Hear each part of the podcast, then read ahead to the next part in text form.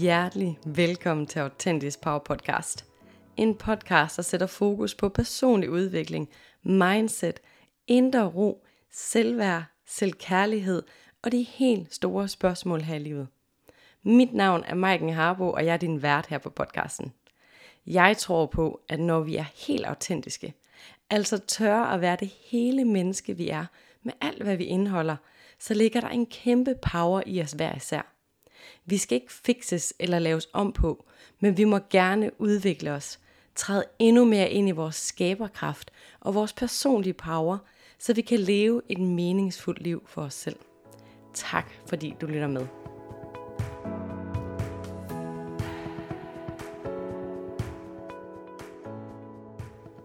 Hjertelig velkommen til, du skønne menneske. I dagens episode har jeg Vicky Gylling inde til en samtale omkring, hvordan du skaber din egen virkelighed, hvordan du skaber din egen realitet, dit eget liv. Og i virkeligheden så kan det lyde super fluffy, når vi snakker om at træde med ind i din personlige power eller din skaberkraft, men i virkeligheden så er det ikke så fluffy endda. Det handler om bevidsthed, det handler om, hvilke tanker er det, du tænker, og tror du på de tanker? Hvilke følelser er det, du føler, og tror du på de følelser? Hvilken historie er du fortæller dig selv? Der er så mange ting, som lyder fluffy, men egentlig ikke er så store endda. Og der skal så lidt til, før at vi begynder at ændre den måde, vi er i verden på, den måde, vi ser os selv på, den måde, vi øh, ser vores eget liv og det, vi selv er i stand til på. Det er en vild spændende samtale. Det er det, hele min virksomhed er bygget op omkring. Det er, hvor meget vi selv kan ændre vores egen realitet. Men inden jeg hopper ind i samtalen med Vicky, så vil jeg minde dig om, at der ikke er længe til, at Soul Sisterhood-forløbet løber af stablen. Og det er altså et gruppeforløb for kvinder, der er på samme rejse ind i selvudviklingen og ønsker at smide pleaseradfærden, sætte grænser med ro i maven og få viden til at kunne bygge hjem i dig selv, så du kan være mere selvsikker i den du er. Det vil også lære, hvad det er, der skal til, for at du kan stå stærkt i dig selv. Hvordan du opnår et selvkærligt forhold til dig selv, så du kan prioritere dig selv, prioritere din egen behov, og ikke mindst mærke din egen behov, og herfra tiltrække de helt rette relationer i det liv, som du drømmer om. Det er altså den 27. september, at vi starter online, så lige meget hvor du er henne i landet, så kan du være med. Og den 30. september, der mødes vi til fysisk workshop, og øh, det bliver en hel dags workshop. Jeg glæder mig allerede så meget. Du er velkommen til at kontakte mig, hvis du ønsker at høre mere om forløbet eller nup din plads. Der er altså for begrænsede pladser, så vent ikke alt for længe, fordi der er ikke lang tid til, at vi starter. Du kan kontakte mig på info.maikenharbo.dk Du kan også skrive til mig ind på Instagram, som er maikenharbo.dk, Maiken med i. Jeg har også nede i show notes, der hvor du lytter til din podcast, skrevet både e-mail, Instagram, min hjemmeside og det hele, så du kan finde mere information. Og jeg har altså gratis afklaringssamtaler, så har du brug for at høre mere om forløbet, eller for at høre, om det er noget, der passer til dig, så tøv ikke med at række ud til mig. Jeg vil elske at have en samtale med dig. For nu så tænker jeg, at vi hopper direkte ind i samtalen med Vicky.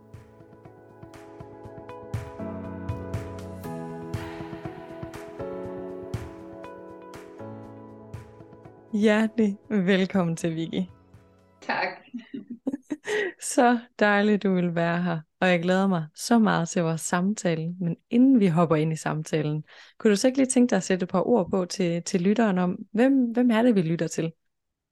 Jo, det vil jeg i hvert fald. Jeg vil prøve. Øh, jeg har svært ved at, at hvad skal man sige, øh, gøre det ned i en kasse, eller en sætning, eller sådan en kontekst. Men øh, jeg er life mentor. Jeg arbejder med at øh, dels fra mit eget perspektiv og, og leve livet fuldt, leve det fra min essens, prøve at lytte til, øh, til de øh, plings, der kommer fra universet og, og følge dem, men også at hjælpe andre med at, øh, at leve liv, der, liv, der er mere forstand for dem. Så jeg er mor til tre drenge og øh, hjemmepasser, hjemmeskoler, og så er jeg enormt fascineret af human design.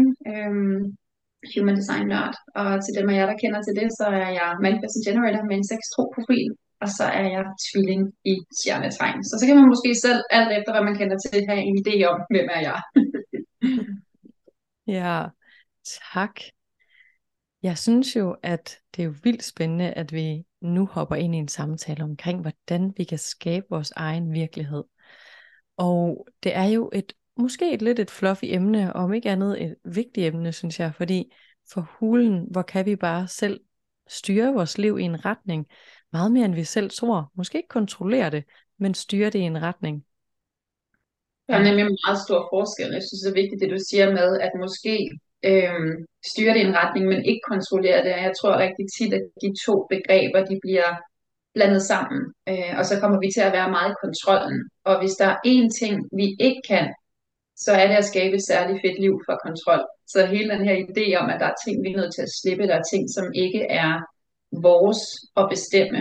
Øhm, og det er jo i virkeligheden alt det i den ydre verden, øh, hvor det er, det er der, vi ofte gerne vil kontrollere ting. Men at vi kan tage rejsen ind og begynde at sige, jamen herinde, der er jeg faktisk øh, skaberen af mit eget indre univers. Og herinde, der kan jeg bestemme, hvad der skal være til stede, og hvad jeg vil give fokus, og hvad jeg vil tillægge værdi. Og alt efter, hvad man gør der, så skaber man jo noget helt andet ude i sin ydre verden og tiltrækker nogle helt andre muligheder derude. Så det er en, en rigtig vigtig pointe med forskellen på kontrol og, og skabe. Ja. ja, for jeg tror, jeg tror ikke, jeg ved, vi er mange mennesker, der godt kan lide kontrol, og har en eller anden idé om, at vi kan kontrollere ting. Vi prøver i hvert fald ihærdigt, mange af os mennesker, ikke? Men på hulen, det, det går sgu dårligt tit og ofte, ikke også? Jo. I stedet for det her med at få at, at have tillid til livet, og så skabe vores egen virkelighed i form af, som du siger, at kigge på, jamen, hvad er der inde i mig, og hvad er det for nogle ting, jeg kan tage ansvar for, hvor jeg rent faktisk har mulighed for at gøre noget. Så hvis du sådan skal åbne ballet, hvad vil du så sige, når at vi snakker om at skabe vores egen virkelighed? Hvordan hulen gør vi det? Det gør vi ikke før det punkt, hvor vi begynder at være en smule bevidste om, at vi kan. Så der er steder, tidspunkter i vores liv, hvor at den mulighed ikke er til stede, fordi vi ikke er bevidste omkring Og hvis vi, hvis vi sådan starter vores udviklingsmæssige rejse et sted, hvor det er, at vi i virkeligheden bare følger livet og forsøger netop at kontrollere de ting, vi kan, og have rigtig meget fokus på, hvad sker der herude, og hvordan kan jeg påvirke andre, og hvordan kan, hvor kan jeg passe ind, og hele tiden at føle hunden ud af, så har vi ikke særlig meget mulighed for at, øh, at påvirke vores liv eller skabe vores liv. Så bliver det ligesom fra, fra den suppedags og fra den øh, kontekst, der er der, som vi bare bliver ved med at, at rode rundt i. Så denne her, det første, der skal til, det er, at vi når et sted i vores bevidsthedsrejse, hvor vi begynder at åbne op for muligheden af, kunne der være en anden måde at gøre det på? Kunne der være mere til stede? Det der, jeg ser, når det er, jeg ser et menneske, som har øh, været mønsterbryder, eller har været igennem svære ting i sit liv, og har brugt det konstruktivt, som har øh, brugt deres øh, største sorger, frustrationer og ulykker i livet til noget inspirerende. Kunne det være for mig også? Kunne der være et eller andet, hvor at jeg også kunne se, at den mulighed var for mig? Måske ikke i samme man sige, ombæring eller i samme øh, grad, men den her nysgerrighed på, kunne der være noget mere? Det, det er der, den starter. Mm. Det elsker jeg virkelig, du siger, fordi for hulen, hvor startede jeg selv med at være sådan, mit liv er, som det nogle gange er. Jeg er, som jeg nogle gange er. Og jeg havde virkelig en følelse af, at jeg havde trukket det korte strå i livet. Så, det, så den der bevidsthed om, at hmm, så behøves det ikke at være, det kan vi faktisk godt ændre. Det tænker jeg er, en virkelig, det er et virkelig godt sted at starte. Ja. Jeg tror ja. også, det er helt grundlæggende, det er fald en af de ting, som jeg prøver at, øh, at gøre meget tydeligt over for mine børn, det er det her med, at jo mere vi lever ud fra antagelser og ting, som vi tror, vi ved, men som vi egentlig ikke har noget bevis for, i hvert fald ikke et bevis for, at det ikke kan være på andre måder. Og det er jo virkelig det meste i vores liv. Jeg er uheldig, jeg er født under en uheldig stjerne, mennesker de er ikke særlig gode ved mig, jeg er også sådan en, der ikke er god nok. Alle de her ting føler vi jo, vi har enormt meget bevis for, fordi det er det, vi har haft vores fokus på og blevet ved med at blive serveret bevis for efter bevis for, fordi det kun har været det, vi har set. Men jo mere vi lever ud fra en antagelse af, sådan her er jeg, sådan her er mit liv, det her er mine muligheder, i stedet for nysgerrigheden omkring, hvad er jeg? Hvad kunne mit liv være? Hvad er der muligheder? Jamen jo mere sat er vi i, i den her fastlåsthed af, det her det er konteksten af mit liv, og så, så kan vi ikke bryde ud af den. Men lige så snart vi kommer mere over i nysgerrigheden og begynder at, at åbne op for den her øh, nysgerrighed omkring, hvad er der ellers end det, jeg ser hver dag? Hvad for nogle andre ruter findes der end den, jeg tager hver dag? Hvad for nogle andre tanker findes der end dem, som der er de mest hyppige i mit sind, og hvorfor er det dem, der er der, hvis der også findes andre. Når, når den begynder at komme, så er det i virkeligheden som at putte et øh, virkelig øh, potent, meget klar til at spire frø i jorden på den fedeste, varmeste forårsdag, og så går der bare kun et øjeblik, bare kom op, så begynder den her kæmpe bønnesdag bare at, øh, at brage af så går det hurtigt, men den skal starte der. Ja, ja, ej, et fint billede. Og vildt interessant det der med at starte og stille spørgsmålstegn. Det er lidt det, jeg hørte dig sige. Start med at stille spørgsmålstegn ved sine egne tanker og det, man tror på. Det kommer sådan til at tænke over overbevisning også, ikke? Altså, jeg synes tit, at det sådan er noget, der kan florere i samfundet, men om nogens overbevisninger, der, der, der, hvor det er sådan, okay, men stopper vi egentlig op og virkelig kigger på, hvad er mine overbevisninger egentlig? Hvad er det egentlig, jeg tror på? Altså, tror vi på, at vi ikke er gode nok, jamen så bliver vi ved med at se beviser ud i samfundet på, at vi ikke er gode nok. Øh, vi finder hele tiden det, som vores hjerne søger, det vores hjerne tror på, ikke? Øhm, så det er så fint en rejse at begynde at stille spørgsmålstegn og begynde at åbne sig op for at se, hmm, hvad kunne der også være? Så for eksempel nogle af de der beviser, jeg kommer sådan til at tænke på min egen rejse, nogle af de der beviser, hvor, nå, der kunne du bare se, der var jeg ikke god nok. Så kunne man stille sig selv spørgsmålet, hvad kunne jeg også få den her situation til at betyde? For eksempel et menneske, der ikke lige svarer dig, eller ikke svarer på dine beskeder. Nå, ja, det gider man nok ikke. Ja, hvad kunne det også betyde? Åh, oh, mennesket har travlt, eller mennesket ved faktisk ikke, hvad de lige skal svare. Det har faktisk ikke noget med dig at gøre. Den der med at stille spørgsmålet, hvad kan jeg også få det til at betyde, så man udfordrer sin egen tankegang. Og det er jo egentlig lidt det samme, som du siger med antagelserne. Stil spørgsmålstegn ved dem. Ja. Og det er jo det, der er så, øh, kan man sige, ofte synes jeg, det er så sjovt, når vi sidder og, og når vi, når vi udvikler os, når vi begynder at og, øh, og udvide vores bevidsthed og vores, øh, vores perspektiv på livet og på os selv og på mulighederne, så kommer vi ofte til at sidde og kigge tilbage på, på der, hvor vi har været, og også derved implicit de mennesker, der er der, og komme til at stille det som et, sådan, øh, et lavere eller et forkert sted at være, og, og, og dømme det som værende et sted, der ikke er lige så oplyst, eller lige så vågen, eller lige så alle mulige ting.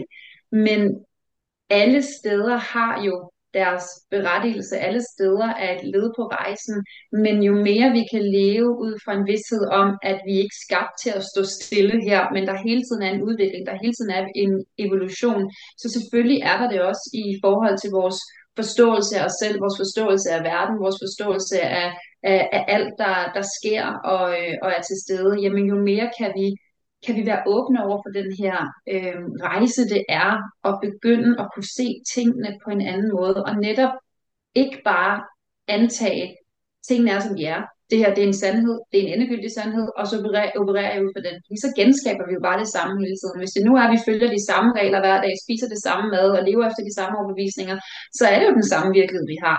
Og det vi kan mærke, det er jo, at der er noget, der strider imod. Den her virkelighed, den føles ikke super fed, men fordi vi ikke får ændret på nogle af de ting, som skaber den virkelighed, men bare forsøger med, med tvang og vold og magt og kontrol at ændre noget herude, som ikke føles skide godt, så bliver vi bare ved med at være i det samme. Så den her, den her nysgerrighed, historie er noget, som jeg også virkelig synes, der er spændende at kigge på. Hvad er det for en historie, jeg skaber her, som du har snakket? Hvad er det for, en, hvad får det til at betyde?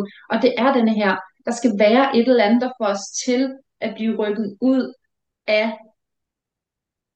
troen på, at tingene er bare sådan her, og jeg, bare, jeg følger bare det her, jeg gør bare det her, fordi jeg har ikke noget, jeg har ikke noget at skulle gøre ellers til, hmm, stopper lige op et øjeblik, og begynder at stille spørgsmål, begynder at være nysgerrig, begynder at reflektere, og det er det her, det, det, det, det, det spirende lille frø, eller den første lille kim, som, som virkelig starter den her rejse, hvor det er, at man så kommer hen imod og arbejde over imod tillid, fordi kontrol og tillid, de opererer jo på ingen måde på samme frekvens. Men så det her med at komme hen med mod tillid og sige, okay, jamen jeg har tillid til livet, jeg har tillid til mig selv, jeg har tillid til mine evner, jeg har tillid til, at hvad end der sker, sker for mit bedste, og, og, og tillid til, at jeg selvfølgelig kan, kan leve det liv, jeg drømmer om, opnå det, jeg ønsker.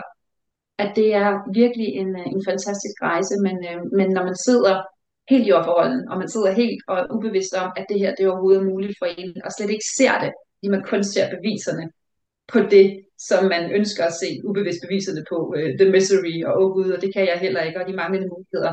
Så det er slet ikke til stede alt det her. På et eller andet tidspunkt, så skinner lyset igennem, og der er det med at være vågen, fordi så kan der virkelig begynde at ske noget. Mm.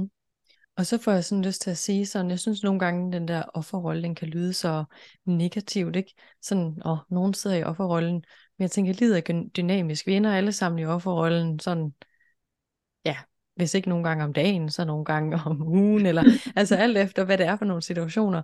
Og det er så vigtigt at være kærlige ved os selv i den situation. Altså være sådan, åh, hvis vi ikke har tillid til os selv, hvis vi ikke har tillid til livet, jamen så er det måske der, vi skal starte med at begynde at få opbygget tillid til os selv. Og så kan vi derfra begynde at kigge på, ah, hvad kan jeg så? Ja. Ja. Og det er netop så vigtigt, det der med den ophold, der, der er mange ting, som kommer til, også når vi snakker i selvudviklings, øh, selvudviklingsrejsen og i, i hele det her begreb omkring spiritualitet, og det bølge, der har været af masser af mennesker, der begynder at, øh, at inkorporere den del i dem selv, så bliver det meget øh, sort-hvidt. Ikke? Altså, så har vi alle de her high viber, vi har alle de gode intentioner, vi har vores højeste selv, vi har vores sjæl, og så har vi alt det andet, som i virkeligheden hører til vores menneske, og vi hører til alt det 3D-agtige, og det som vi er her, øh, for også at opleve på jorden, så bliver meget negativt, og meget begrænsende, og meget alle mulige ting. Øh, for mig er det en meget øh, ikke selvkærlig vinkel at have på, på sig selv og sin udvikling, at man ligesom dømmer halvdelen af sig selv som værende forkert eller øh, begrænsende, fordi øh, fact of the matter er, at hvis sjælen ikke havde de her hylser at transportere sig så ville den ikke kunne gøre en fløjtende fis i det her liv. Så netop det her med, at offerrollen har jo også sin berettigelse. Det, det er jo bare et, et bevidstheds, det er jo bare en måde at leve livet på. Det er ikke fordi, den er ringere end noget andet. Den giver nogle muligheder, klart, som, øh, som den, og, og den, den, den hvad hedder det, afskærter for andre muligheder. Men det er jo ikke godt og dårligt, det er jo ikke sort-hvidt, det er jo bare, hvad det er. Og netop at kunne, kunne holde sig selv i den, og vi kommer, du har ret, vi kommer jo op og rolle. Øh, jeg kan klart se, at jeg sad og var fanget i den de første 30 år, nok også 35 år i mit liv. Jeg bliver 40 her lige om lidt, det var sgu først for tre år siden, hvor jeg virkelig begyndte at få øje på, at jeg var i den. Så de fleste mennesker, de sidder heller ikke og tænker, jeg er ikke, jeg, jeg er ikke en offerrolle. Nej, det skal du overhovedet ikke, men de sidder her og synes, livet er imod mig og alle de her ting, men de har ikke fået øje på det. Og først da jeg fik øje på, hvad det gjorde ved mig at holde fast i den identitet og se mig selv som et offer, se mig selv som værende en, der var underlagt livets luner, at jeg kunne se, hvad det så også gjorde. Men det gav mig også noget. Det gav mig lov til at øffe og ynke, og det gav mig lov til at have ondt af mig selv, og det gav mig lov til at lægge ansvaret fra mig. Så, så det er jo bare en del af bevidsthedsrejsen. Det er ikke godt eller dårligt, det er ikke mere end værd end noget andet, det er bare forskellige ting. Mm. Jeg elsker det, der du siger med at være, være selvkærlig, fordi vi mennesker er det hele. Vi må for guds skyld ikke tænke, at vi netop skal være, som du siger, sådan high vibe og altid glade og være dem der ovenpå og det der, ja, det er der nok nogle gange lidt en tendens til i der spirituelle univers, hvor jeg ser det som, vi, vi er altså hele mennesker. Nogle gange er vi også kede af det, nogle gange har vi ikke styr på noget. Øh, jeg skulle sige sådan, nogle gange er vi pisse irriterende, nogle gange reagerer vi på nogle måder, som ikke er særlig hensigtsmæssige, fordi vi er mennesker. Men spørgsmålet er, hvordan kan vi rumme den del af os, at vi også er de der ting, at vi er selvkærlige ved os selv i hele rejsen, i stedet for bare at sætte os og banke os selv oven i hovedet og sige, det her må jeg ikke være, fordi jeg skal være high vibe, eller hvad det nu er, man sætter ord på. Ikke? Øhm, så det her med at skabe sin egen virkelighed, er jo vildt spændende, fordi for mig at se, så handler det om at kunne rumme hele mig, hele det menneske, jeg er, og så være bevidst om, hvad betyder noget for mig, hvilken retning vil jeg gerne, og tage skridt den retning øh, men ikke kaste dele væk af mig selv, som jeg ikke lige vil være ved, fordi de er lige grimme, eller de er ikke lige velkommen. Ja. Det er tit det, vi kommer til. Ikke? Så lever vi jo stadig på en begrænset bevidsthed og en begrænset udsyn af, Altså lige så snart vi befinder os i det her øh, sort-hvide univers, hvor noget er rigtigt, eller noget er forkert, eller noget er godt, og noget er ondt, og noget er lyst, og noget er mørkt, jamen så kommer vi til at være i en, i en dømmende energi, og vi kommer til at gå på denne her øh, knivsæk, hvor vi hele tiden balancerer, og der er muligheden for at falde i det forkerte, eller det, der begrænser os, eller det, som, der, øh, som vi så kan, kan beskrive os selv ved at påtage som en, en identitet, der ikke er særlig god. Og, og det er hele den her opfattelse, vi er nødt til at have, øh, have væk. Men, men det sker først senere på bevidsthedsrejsen. Der er sådan tit, jeg er meget bevidst omkring, det er, jeg sidder og snakker med mennesker om, at altså, hvis jeg hvis jeg skruede tilbage til for fire år siden og sad og hørte mig selv sige de ting, jeg vil sige i dag, så havde jeg tænkt, kæft, hvor dum at høre på. Altså, gider ikke, hvor er du irriterende, ikke? Pff, hvor er du nederen, du har ikke, og du ved ikke, og mit liv er, jeg havde kommet på alle de første 20 bedste undskyldninger til, hvorfor jeg overhovedet ikke skulle høre på noget som helst, jeg sagde, for jeg havde da ikke styr på en skid, og jeg vidste da ikke noget, og det var også meget nemt at sidde deroppe, fordi jeg havde jo en antagelse om, at jeg så ikke selv ville have oplevet, eller den person, som jeg nu lige sætter mig herop til, ikke ville have oplevet, og ikke ville vide, og livet havde ikke været hårdt mod dem. Så vi skal bare igennem det her. Vi skal igennem de her lag, hvor det er, at det er sort-hvid. Vi skal igennem de her dualiteter. Vi skal igennem, at det her det er bedst, og det her det er dårligt. Vi skal igennem frygten af, at hvis jeg ikke render og tænker gode tanker hele tiden, når jeg nu lige har oplevet, at det er mig, der skaber mit liv indenfra og ud, jamen så skaber jeg noget dårligt, og oh, gud, nej, vi skal igennem kontrollen. Vi skal igennem det, fordi det er en del af udviklingen. Ligesom vi skal lære at gå, før vi kan løbe. Altså det, det er en del af det. Og hvis vi kan overgive os til den uden at dømme den, og hvis vi kan være bevidste om, at det her det er også bare et skridt på rejsen, og der kommer et nyt øh, en ny udvidelse af min bevidsthed. Der kommer nye perspektiver, der kommer mere til. Der kommer et tidspunkt, hvor jeg sidder og kigger tilbage og tænker, åh lille ven, hvis du bare vidste. Jamen, det er okay. Bare overgive sig til det, i stedet for at hele tiden skulle dømme det tidligere som værende forkert. Det her med også at skulle, skulle, skulle slå dele af sig selv ihjel, eller øh, hvad hedder det, slage sine skygger. Altså, det, det er meget lidt selvkærligt, og hvis der er noget, som der er den højeste vibration, som vi overhovedet kan tage ind i, så er det kærlighed, og det er nødt til at starte med selvkærlighed. For du kan ikke opleve ægte, ubetinget kærlighed, uden at du har selvkærlighed med, for så vil det være opoffrende, så vil det være, øh, jeg, jeg giver mere, end jeg modtager, og jeg skal bare give til dig, jeg er ikke værdig til at tage imod. Så hvis vi kan tage ind i den frekvens, og netop have den bevidsthed med hele vejen, den her selvkærlighed, og holde sig selv i det, og sige, hvad jeg brug for nu, det er okay, jeg faldt herned, jeg skal ikke, jeg skal ikke være perfekt, jeg skal ikke lykkes med det første gang, det, jeg kan godt øve mig i det, jamen jo mere kan vi, øh, jo hurtigere kan vi virkelig komme frem, men jo, jo, jo federe vil rejsen også være, fordi vi ikke hele tiden kommer til at dømme os selv som værende forkerte, eller noget for kort i forhold til, hvor vi tror, vi skal være. Ja, jeg elsker den der med ikke at gøre os selv forkerte. Jeg har sådan en fint mantra, der hedder, stop med at gøre dig selv forkert. Mm. Altså, hvor er det på nemt for os at komme til at gøre os selv forkerte for, hvor vi er, eller hvor vi har været, eller for, hvad vi ikke ved. Men at være selvkærlig og være sådan, jeg er, hvor jeg er. Jeg ved det, jeg ved. Jeg gør det bedste, jeg kan med det, jeg har. Ja. Vi ved ikke, hvad det er, vi ikke ved.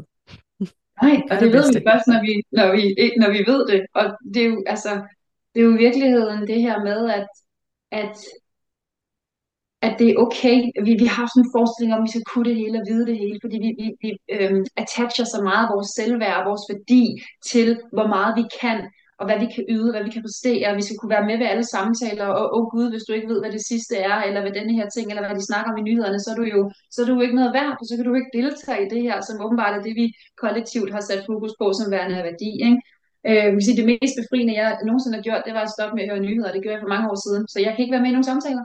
Det er så fedt. Mm. Altså ikke de samtaler, som handler om, hvad der er lige nu og her. Jeg er med i rigtig mange samtaler omkring de dybere ting, og øh, at skabe sit liv og, og invitere mere glæde ind og personlighedsudvikling, identitetsskabelse. Jeg er med i rigtig mange samtaler omkring det. Det synes jeg er spændende. Jeg er sådan lidt ligeglad med, hvad der foregår lige nu og her, som er færdig om et år eller om seks måneder eller et eller andet, som andre synes er enormt vigtigt at bruge masser af fokus på.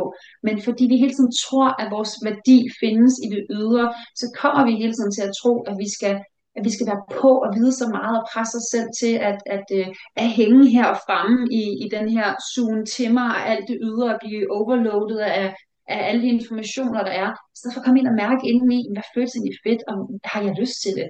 Har jeg lyst til alt det der? Har jeg lyst til at vide alt det? Har jeg, har jeg lyst til at sidde og dykke ned i det? Har jeg lyst til at deltage i den her samtale, bare for at føle mig vigtig? Hvad har jeg lyst til? Hvad føles godt indeni?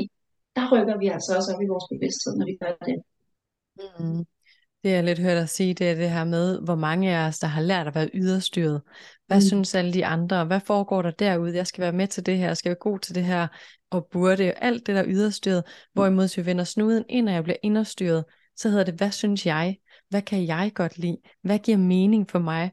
Og på den måde, så begynder vi altså at skabe et helt andet forhold til os selv, som er en helt anden måde at være i livet på, end når vi ikke tager stilling og bare vender fingeren ud af hele tiden. Hvad med alle de andre? ja.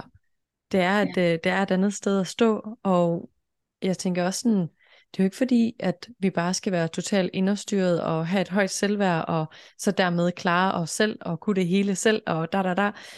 Det handler om at være god ved sig selv, i min optik i hvert fald. Være mm. øh, selvkærlig, være inderstyret, være klar over, hvad er mine værdier, og leve mit bedste liv, samtidig med, at jeg ved, at jeg er så flokdyr, og det betyder så meget for mig at have gode relationer, meningsfyldte relationer, mennesker, der kan gribe mig, øh, når jeg har brug for det, eller mennesker, der kan trøste mig, når jeg ligger i fosterstilling, for det gør jeg også nogle gange. Altså mm. sådan, så jeg ser det sådan lidt som sådan en smuk dans mellem at vende snuden indad, at være bevidst omkring sig selv, og være god ved sig selv, men samtidig også kunne lade andre mennesker være, altså sådan have meningsfulde relationer. Det betyder ikke bare, lad være med at tænke på, alle de andre, hvad alle de andre tænker, og klar dig selv. Giver det mening, det jeg siger? Ja, det gør det. Og det er så rigtigt. Jeg ser det også meget som om, at det handler om, altså jeg, for, for mig, så kan man slet ikke have andet end, øh, end den type relationer og connection, som du beskriver, hvis det er, at man har øh, det selvkærlige aspekt med. Du kan ikke have andet end nærende, givende relationer, hvis det er, at du lytter til dig selv indeni, og hvad du har brug for, hvis du tillader dig selv at være den, du virkelig er, og ikke tror, at du skal opfylde en rolle, eller øh, leve op til et bestemt formål eller, eller en, en værdi, som er defineret udefra. Fordi det er jo virkelig der, hvor det er, du tiltrækker de mennesker, som, som vil være der, som vil have dig. Fordi det er okay, hvis du render rundt og, og foregive at være sådan en, hvor jamen, alting er okay, alt er cool, og indeni så krakulerer du. Vi, vi kan jo se det så mange, hvor det er, der er ikke noget smil i øjnene, og de står der, alt er okay, og så ser de sådan lidt maniske ud. Ikke? Øh, og så er hele verden ved at falde, falde sammen indeni. Men der er ikke nogen mennesker, de har tiltrukket, som er sådan nogen, der siger, at jeg har dig, jeg griber dig, fordi de har jo tiltrukket ud fra en, et billede af at være en, der har styr på det, og være en, der har alle andre, og være en, der kan klare det selv. Så hvis, hvis jeg kun tiltrækker ud fra en, øh, en, en version af mig, der hedder, jeg har styr på det, du behøver aldrig at hjælpe mig, du behøver ikke at være bange for, at jeg falder sammen, øh, og i øvrigt, alt dit shit, det kan jeg godt magte, jeg skal nok være der for dig, jeg skal nok stå op midt om natten, men hvis jeg lige pludselig falder sammen og har brug for det, så har jeg jo tiltrukket et menneske, eller tiltrukket et menneske, der på ingen måde kan holde mig i det, fordi jeg ikke har været tro mod mig selv, og jeg ikke har været selvkærlig, og jeg ikke har været ærlig, og jeg ikke har mærket mine grænser, mine behov og mine værdier. Så når vi lever derfra, så kan vi ikke andet end at tiltrække de muligheder, de mennesker, de situationer i livet, som er med til at bære os og gribe os og støtte os og udvikle os i den retning, som øh, er, allermest øh, fordelagtig for os. Ja, jeg synes, det er vildt spændende det her, ikke? fordi det kan godt være sådan, det kan føles sådan lidt modsætningsagtigt. Nu er jeg jo opvokset som, hmm, jeg kunne få en medalje for at være verdens største pleaser, og jeg har virkelig nogle vilde historier, når jeg kigger tilbage på, hvor pleaser jeg har været. Og jeg satte det som en kæmpe ære, at jeg var forstående, rummelig, jeg kunne hjælpe dem alle sammen og forstå det hele og kunne med alle, og alle de der sådan, ting, det var bare sådan, det var det, jeg kunne. Øhm, og tanken om at enten skulle sætte en grænse, eller sige fra, eller sige nej, eller alle de her ting, det var sådan skræmmende, fordi det er jo det, jeg, altså det er jo det, jeg kan. Det er jo det, jeg er god til. Så hvis jeg siger nej, eller sætter en grænse, eller virkelig siger, at jeg har en helt modsat mening, jamen så mister jeg jo det hele. Så er de der jo ikke, hvad skulle de så være der for? Fordi jeg er jo hende der. Mm. Øhm, så det kan godt føles sådan helt modsat. Det har det i hvert fald gjort på min rejse. Så lige pludselig at skulle forvente det om til at skulle bygge mig selv op og virkelig være selvkærlig og, og vide, at Gud, okay, når jeg sætter grænser, når jeg fortæller min virkelige mening, øh, når jeg siger ja, når jeg mener ja, og nej, når jeg mener nej, og så videre, ja, så var der faktisk nogen, der faldt fra, men der kom nogle helt andre mennesker til i mit liv, hvor jeg bare den dag i dag tænker, åh, oh, thank God. Altså, fordi det er bare sådan nogle meningsfyldte, smukke relationer, jeg har nu, med mennesker, der netop griber mig, når jeg har brug for det, støtter mig, hæpper mig, og jeg gør det samme den anden vej. Og mm. jeg har mig selv med i relationen, hvor det havde jeg ikke før. For jeg tog ikke stilling til, hvad jeg synes, fordi det var vigtigere for mig at beholde den der relation. Så det var bedre, at jeg sagde ja, selvom jeg egentlig havde lyst til at sige nej. Øhm, jeg sidder, jeg sidder sådan lidt og smiler, fordi jeg kommer sådan i tanke om, hvis man bare skal få et billede af, hvordan det kan se ud. Så på et tidspunkt, så øhm, der boede jeg i Aalborg, og jeg skulle til at ud på udlandsophold til Sydafrika, så jeg skulle udleje min lejlighed. Og jeg tror, jeg har lagt et øhm, opslag op på Facebook om, at jeg udlejer den her lejlighed, og jeg bliver kontaktet af en mand, der sådan, han vil, han vil gerne bo der, men han vil også godt komme og se stedet. Jamen det er fint. Så han kommer og ser stedet, og så får han sagt, jamen det er super det her, og prisen er også super. Øhm, så hvornår var det så, at lejligheden var fra? Hvornår kan jeg flytte ind? Og jeg mener, at jeg skulle ud og rejse et par måneder efter. Så det får jeg sagt, jamen, til den her måned, så jeg, jeg, mangler, jeg mangler et sted at bo nu. og pleaseren her, hun får sagt, nå, ja, men det finder vi ud af. Du flytter bare ind, intet problem. Og da han så går, så står jeg sådan og tænker, kan jeg vide, hvor jeg egentlig skal bo henne? Men det var, det var så meget, at jeg var over i andre mennesker, at det var sådan, nå, jeg ved lige præcis, hvordan jeg skal gøre dig glad. Du flytter bare ind, intet problem. Ikke noget med lige at overveje, hm, hvad fungerer egentlig for mig? Der er mange måder, man kan være, man kan være pleaser på, men for kuglen, det, er altså, det var nogle helt andre mennesker, jeg tiltrækker i mit liv også dengang versus nu, hvor at jeg kunne aldrig finde på at sætte mig selv på gaden den dag i dag. Der tænker jeg, det er da fuldstændig sindssygt at gøre. Ja. Men ja.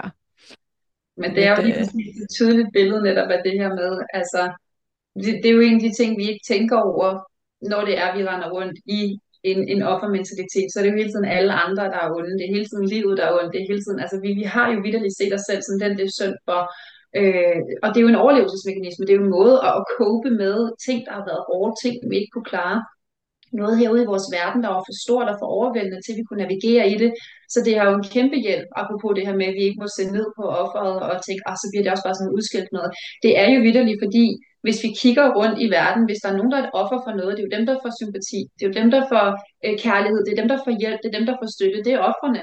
Ikke? Det er jo ikke dem, som der begår forbrydelsen, de får had, de får alle mulige andre ting. Så når, vi, når man er i den her offerrolle, så sidestiller vi det jo ofte med det der, hvor det er, at vi så kan tillade os at, at få noget og få imod. Det er det her, hvor vi kan få noget kærlighed, og det er her, hvor at, at det er okay, at andre så passer lidt på os. Hvorimod, hvis vi ikke har offerrollen, når vi står her og skal være stærke og selvhjælpende og klare alting selv, jamen så har vi ikke samme forventning om, at der netop vil komme den her hjælp og den her støtte og den her anerkendelse og, og kærlighed. Så, så den har jo sin berettigelse. Men der er altid et match for energier. Der er altid et match for roller, så hvis den måde, jeg shower op i livet på, jamen så vil der jo komme nogen, der er et match til det. Og hvis jeg er sådan en, der overgiver og overskrider mine egne grænser, og øhm, bruger mere tid på at tænke over, hvad jeg kan gøre, hvordan jeg kan være en værdi for andre, øh, uden at tænke mig selv ind i det. Og hvis jeg er sådan en, der hele tiden tænker på andres ønsker og velbefindende, og hele tiden kommer mig selv bagerst, hvis jeg overhovedet står i rækkefølgen. Så det match, der er til det, er jo mennesker, som sidder i den modsatte side og siger, jeg vil gerne have, bare giv mig, men jeg har ikke lyst til at give. Og det er jo der, hvor det er, vi så ofte i relationer kommer til at stå og tænke, nu har jeg, jeg har ydet, jeg har givet, jeg har gjort, på en eller anden måde, så skylder du mig, og du vil ikke give det.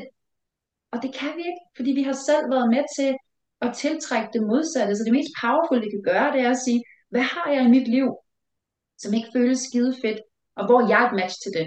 Fordi hvis jeg ændrer det i mig, at være et match til det, et skodjob, en chef, som der ikke anerkender mine evner eller min ekspertise, eller ikke kan huske mit navn, fordi han ikke synes, jeg er vigtig nok, eller en øh, partner, der trumler mig over, eller veninder, der altid bruger mig. Hvis, hvis jeg er et match til det, og jeg begynder at ændre de ting i mig, så jeg ikke er et match til det længere, så bliver de enten nødt til at catch up, eller også så falder de fra, og så kan jeg tiltrække noget nyt, bedre for denne her, som jeg er et match til. Ja, ja. Og det er så vigtigt det der. Og ja, jeg sidder og tænker sådan, en ting er sådan at forstå det med hovedet, og en anden ting er at opleve det og afprøve det. Så det er en af de der ting, hvor at man er sgu bare nødt til at tage nogle skridt og afprøve det. For jeg kan i hvert fald huske, jeg synes det var skræmmende at skulle begynde at kigge på de her ting. Ja. Øhm, bare det med at sætte grænser. Ej, jeg synes det var skræmmende. Og den dag i dag, der er jeg mere sådan, nej, Altså når jeg sætter grænser, så hjælper det også dig med at få at vide, hvordan kan du behandle mig godt, hvordan vil jeg gerne behandles. Så jeg hjælper faktisk bare andre med, hvordan skal vi være i en relation, for at vi begge to har det godt. Ja. Øhm, ja. Jeg kommer sådan til at tænke på noget helt andet, som er projektioner, som en virkelig fin ting at kigge på, for også at kunne tage ansvar i sit eget liv og skabe sin egen virkelighed. Forstået på den måde, at hvis vi kigger på andre mennesker og synes, hold kæft, hun er irriterende, så kan man jo lige stoppe op et øjeblik og tænke, hov, hvad er det inde i mig, som bliver rørt her? Hvad er det, hun viser eller gør eller siger, som er irriterende, som jeg måske ikke må være, eller som jeg ikke kan lide ved mig selv. Eller når man kigger på nogen og tænker, ah, hun har bare det hele, hun kan bare dit og dat. Uh, du kan ikke se det i hende, hvis det ikke er fordi, det er noget, som også bor i dig selv. Så det der med at kigge på andre mennesker og tænke, hov, hvis det nu ikke handler om dem, men det handler om mig, hvad kan jeg så lære om mig selv ved at kigge på andre mennesker? Den synes jeg også er vildt spændende at kigge på i forhold til at, at skulle skabe sin egen virkelighed. For så kan vi begynde at hive de her dele af os selv hjem, som vi ikke vil være ved, eller som vi er, har på en eller anden måde sådan kastet lidt over hjørnet og tænkt, det her må jeg ikke være. Så det sagde mig også irriterende, når du bare går over og er det, når jeg nu har brugt al den her energi på at gemme det væk. Ja. øhm, så det her med at kigge på projektioner, hvordan vi reagerer på andre mennesker, det synes jeg også er alle tiders måde at kigge på, okay, hvad kan jeg hive hjem i mig selv? Hvad kan jeg tage ansvar for? Øhm, lander i mig på en anden måde. Ja, det er. Ja. Og det er virkelig noget af det sværeste at gøre, i hvert fald i starten, men hvis vi hele tiden kan være nysgerrige på, øh, hvad end vi møder af situationer og mennesker i vores liv, hvis vi kan være nysgerrige på, ikke så meget med, oh, hvorfor gør de, som de gør, og hvorfor skete det her, men mere sådan med, hvordan reagerer jeg på det? Og netop det her med, hvad får jeg det til at betyde? Hvad får jeg det til at betyde at sætte grænser? Hvad forbinder jeg med det her? Det, som jeg i virkeligheden ønsker mig, men som bliver sådan lidt, åh oh, gud, jeg ved ikke, om jeg er bange for det. Hvad er det, jeg fortæller mig selv? Hvad er det i virkeligheden, jeg, øh, jeg, jeg, jeg attacher til, til det her? Hvilken betydning bliver der koblet på denne her adfærd? Hvilken betydning bliver der koblet på det her? Og være nysgerrig på den del af sig selv. Altså det er jo virkelig her, hvor vi kan, vi kan få øjnene kæmpe meget op for, hvad er, det, hvad er det, jeg fortæller mig selv? Hvad er det for en virkelighed, jeg skaber? Hvad er det for en, en, en verden og en illusion, jeg holder mig selv i, hvor det her det er en sandhed, det her det er en sandhed, og det her det er en selvfølgelighed? Og hvis det ikke var sådan, hvad ville der så være muligheder? Ikke? Så, så netop det her med at komme ind og kigge på, hvad end der sker, og ikke bare gå i øh, reaktion mode, men, men virkelig overveje, wow, hvad, hvad der er på spil her. Og det kræver altså en, en bevidsthed, så det er ikke noget, som, som alle mennesker kan. Jeg ved, vi har sådan en tendens til at sige, hvis jeg kan gøre det, kan du gøre det. Det, er sådan, ah, det strider mig altid lidt i ørene, for jeg forstår godt meningen med det. Og jeg forstår også, hvis man sidder samme sted og siger, jeg har overkommet mine traumer, jeg har arbejdet med mine ting, jeg har brugt mine største øh, hvad hedder det, smerter i, i livet til noget konstruktivt. Øh, jeg har nået det her mål, jeg satte mig for, og jeg havde ikke nogen videre forudsætninger for at gøre det. Så hvis jeg kan gøre det, kan du også gøre det. Men det, hvis vi sidder og snakker til et andet menneske, som er sådan lige under eller på, på bølgelængde, så tænker man, ja for fanden. Hvis vi sidder og snakker med en, som sidder og tænker, livet er også bare imod mig, og lige meget hvad, hverken jeg stikker hovedet ud, så får jeg en fuldklat i hovedet, og der kommer altid, øh, øh, hvad hedder det, skriger, skulle jeg til at sige, jeg vil vælge Harry Potter for bøgerne, for at få Der kommer altid rudekuverter og regninger med, med posten, jeg kan aldrig nogensinde, I can't catch a break, jeg kan ikke nå op, før den næste bølge kommer. Så det der, hvis jeg kan gøre det, du kan gøre det, det bliver bare åh, det virker så demotiverende. Det får præcis den modsatte effekt af, hvad det i virkeligheden skal have. Fordi man er et andet sted, og vi er nødt til alle sammen at starte derfra, hvor vi er. Så hvis vi sidder helt ned i, basically, meget af livet er lort, eller meget af livet er ikke, mm, som jeg lige vil ønske, så kan vi ikke sidde og kigge herop ved endemålet, hvor at man har klaret det, og har kommet ud, og har bevidstheden, og kan sidde og tænke, wow, metaperspektiv på hele verden, og hvis jeg vidste, hvad jeg vidste nu, fordi det gør vi ikke der. Der er vi nødt til at tage skridtene selv, og det starter med den her nysgerrighed med, godt, hvad er det så, jeg vil? Hvis jeg ikke vil det, og hvis det her det er lort, og det her det ikke føles ret, og det her det ikke er godt, hvad er så den anden side? Hvad har vi over i den anden ende af den her dualitets øh, spektre?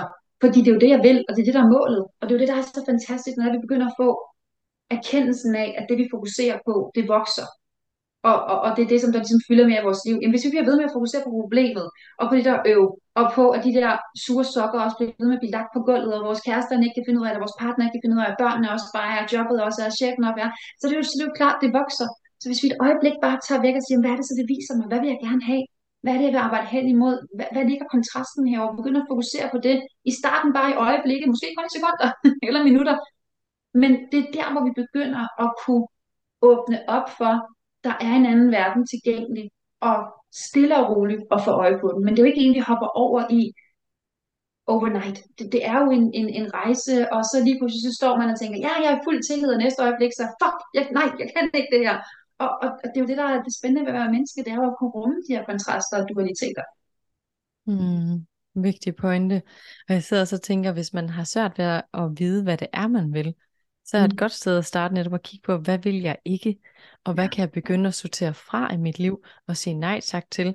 Fordi så lige så stille, så kan det være, at vi får lidt mere energi, og der bliver lidt mere lyst, og vi begynder at kunne se, uh, det der er også spændende. Men det kan godt være svært at se, hvis vi bare fylder fuldstændig op i alt det der, vi egentlig ikke gider, men som fylder hele vores liv. Så mm. det der med at begynde at sortere fra og være sådan, okay, det her ved jeg i hvert fald, det føles ikke så godt, væk med det. Den her relation, den føles ikke så rar, kan jeg skære lidt ned på det? Og jo ja. mere vi ligesom kan gøre det, jo mere kan vi også begynde at se klart. Øhm, jeg synes i hvert fald, det er vildt spændende det der med sådan, jeg synes, jeg har nogle store drømme nu, men for år tilbage kunne jeg ikke overveje, jeg kunne ikke drømme om at drømme, fordi jeg tænkte, hvad skulle sådan en som mig dog drømme for? Altså, og jeg kunne slet ikke, altså jeg kunne ikke engang komme i tanke om noget, jeg synes, der kunne være fedt, så låst var jeg. Så jeg var virkelig der, jeg skulle starte med at kigge på, okay, hvad vil jeg ikke i hvert fald? Og begynde lige så stille og skovle fra. Og jo mere jeg sådan begyndte at tage de der små skridt, jo mere begyndte jeg sådan at kunne se ting for mig sådan, uh, det der kunne også være spændende. Og hvad med det der? ja. Og det er jo lige præcis det der, øh, jeg mener med, når vi så sidder der og får at vide fra en, der har sluppet hvor, hvor det her mørke tag, eller hvor mismoden, eller hvor at, øh, den der følelse, der bare fylder, at den har slukket den, fordi de har taget nogle skridt, og de har opnået en erkendelse, og de har begyndt at se verden på en anden måde. Når de sidder med deres kæmpe store drømme, og har en eller anden øh, følelse af, alt er muligt, og så man fortæller det en, som der sidder øh, single parent i øh, et virkelig dårligt øh, hvad hedder det, område, hvor det er, de er bange for, at øh, deres børn kan blive udsat for alverdens ting, og vender hver en krone, og i øvrigt også er bange for, at de bliver fejlernæret, fordi der er ikke penge til at købe øh, frugt og grønt i ordentlig kvalitet, og øh, alle de her ting, der kan man bare ikke sidde og tappe ind i frekvensen af, alt er muligt, jeg skal bare have den her store drøm, som der viser mig vejen, jeg skal bare have det her store lys, der står heroppe, og så stille og roligt til skridt imod det. Men du kan slet ikke komme ind i det, du kan overhovedet ikke komme derhen til at mærke, det, du er så fanget i, i den her vidshed om, og det daglige bevis på, det er det her, der er mit liv. Der er ikke meget mere end det, der er muligt. Og hvis det skulle være noget, der var muligt, så var det kun lige det næste lille skridt. Det er i hvert fald ikke det der nummer 1000, der ligger derude med en kæmpe drøm. Så hvad vil jeg helst? Det ved jeg ikke. Jeg vil bare helst stå op og lade være med at kaste op over mit liv. Jeg vil bare helst stå op og ikke have endnu et problem, der lander på min tallerken i dag. Jeg vil bare helst stå op og ikke have nogen bekymringer. Bare have et sekund. Jeg vil bare helst stå op og så ikke skulle sidde og kigge på en regning, jeg ikke ved, hvordan jeg skal betale. Og det er der, vi starter. Lad være med at tro, du skal være længere frem, men der, så start der. Start med det umiddelbare næste skridt.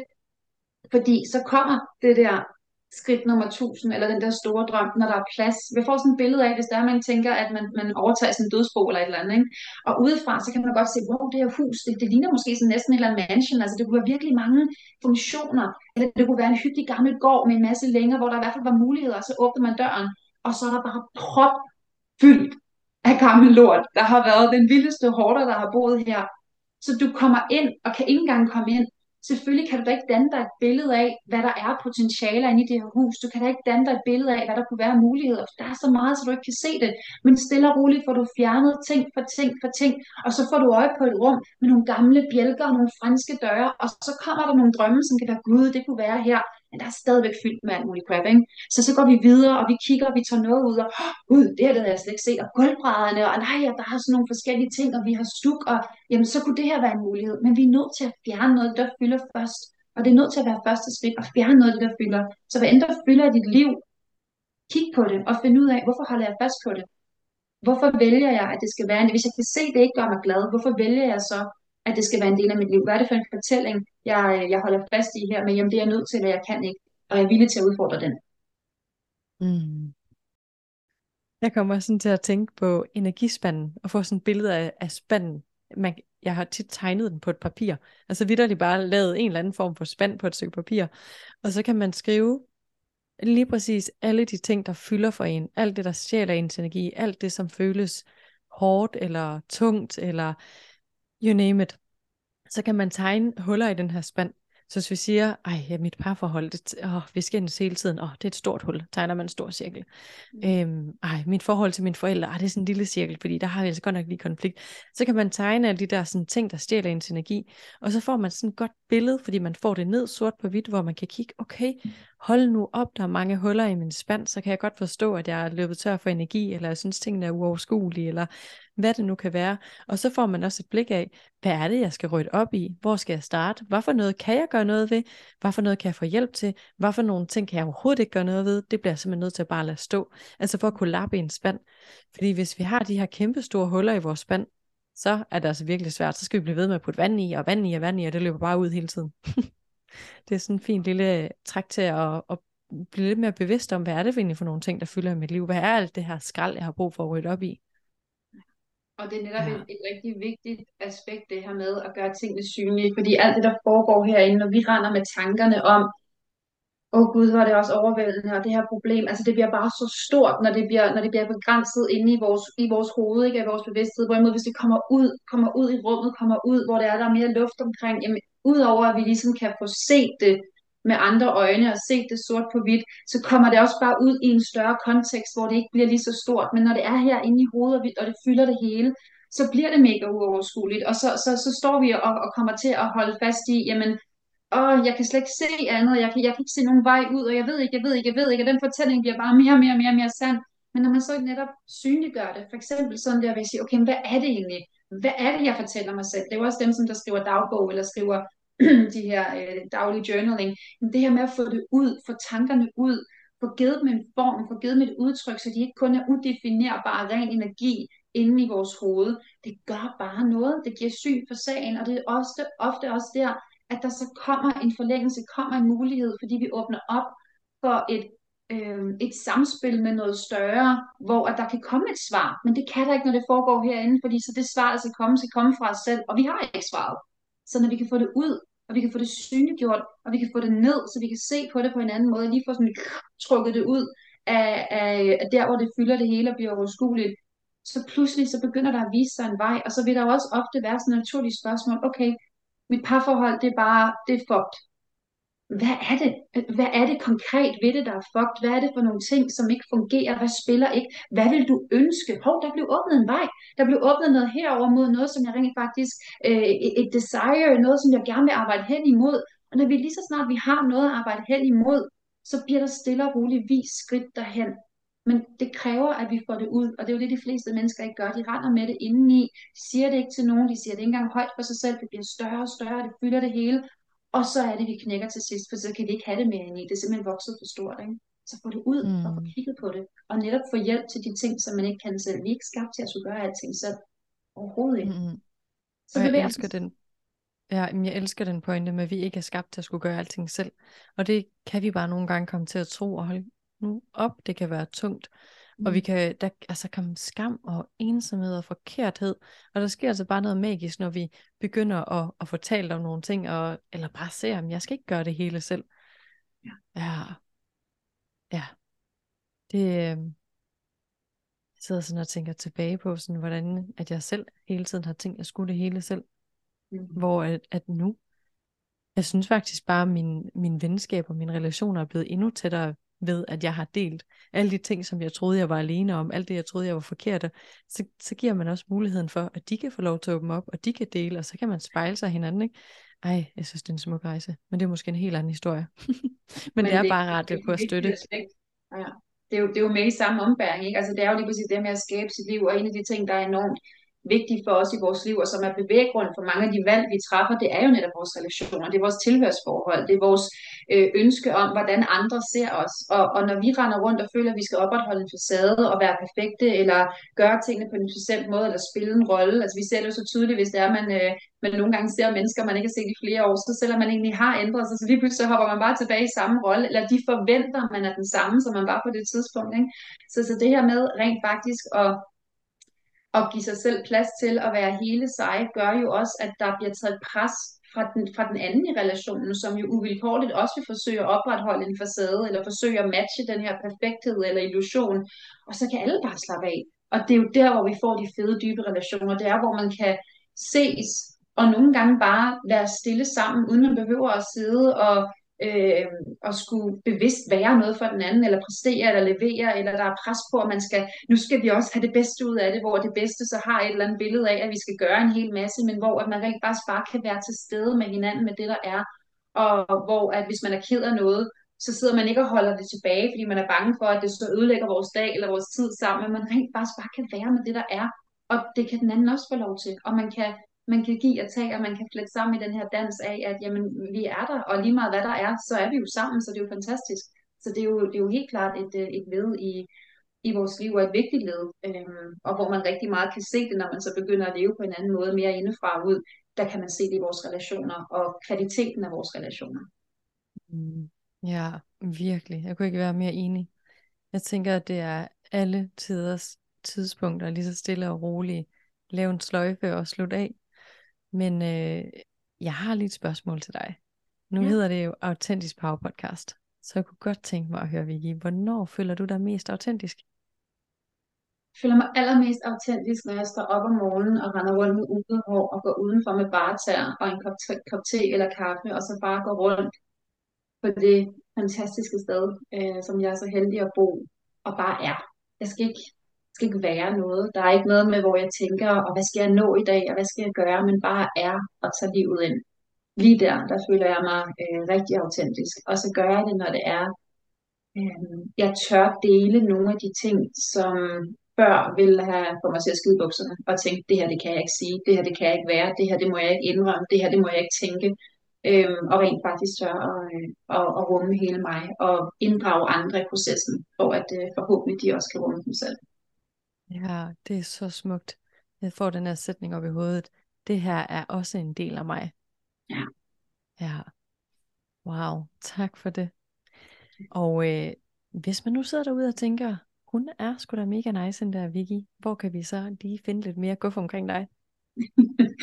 Øh, jeg har efterhånden fået bevæget mig ind øhm, mange steder, skulle jeg sige. Jeg har, øh, jeg har selvfølgelig, er jeg på Facebook, jeg er også på Instagram, og der øh, har jeg været så kæmpe opfindsom og bare hedde mit navn. Så det er rimelig nemt. Vicky Gylling, livet af landvejen. Øh, Vicky med et i.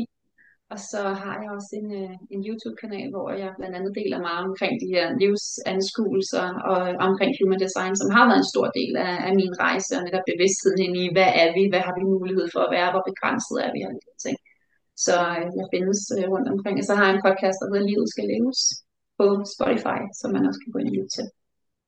Nej, dejligt. Tak for det, og tak fordi du vil være med og dele et stykke af dig og din øh, din måde at se det hele på og anskue det på. Det er så værdsat. Tak fordi at jeg måtte være med.